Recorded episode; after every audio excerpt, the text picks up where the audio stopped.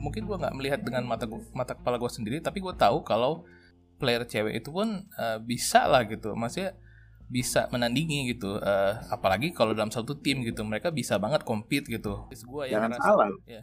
Iya, maksudnya kalau main board game, board game yang very tinggi, very Euro istilahnya, hmm. dan ataupun juga board game yang uh, area kontrol ya, yang semi semi mikir tapi juga semi semi uh, apa uh, war game gitu, cewek tuh bisa menang gila-gilaan maksudnya dan hmm. bisa menang jauh banget gitu.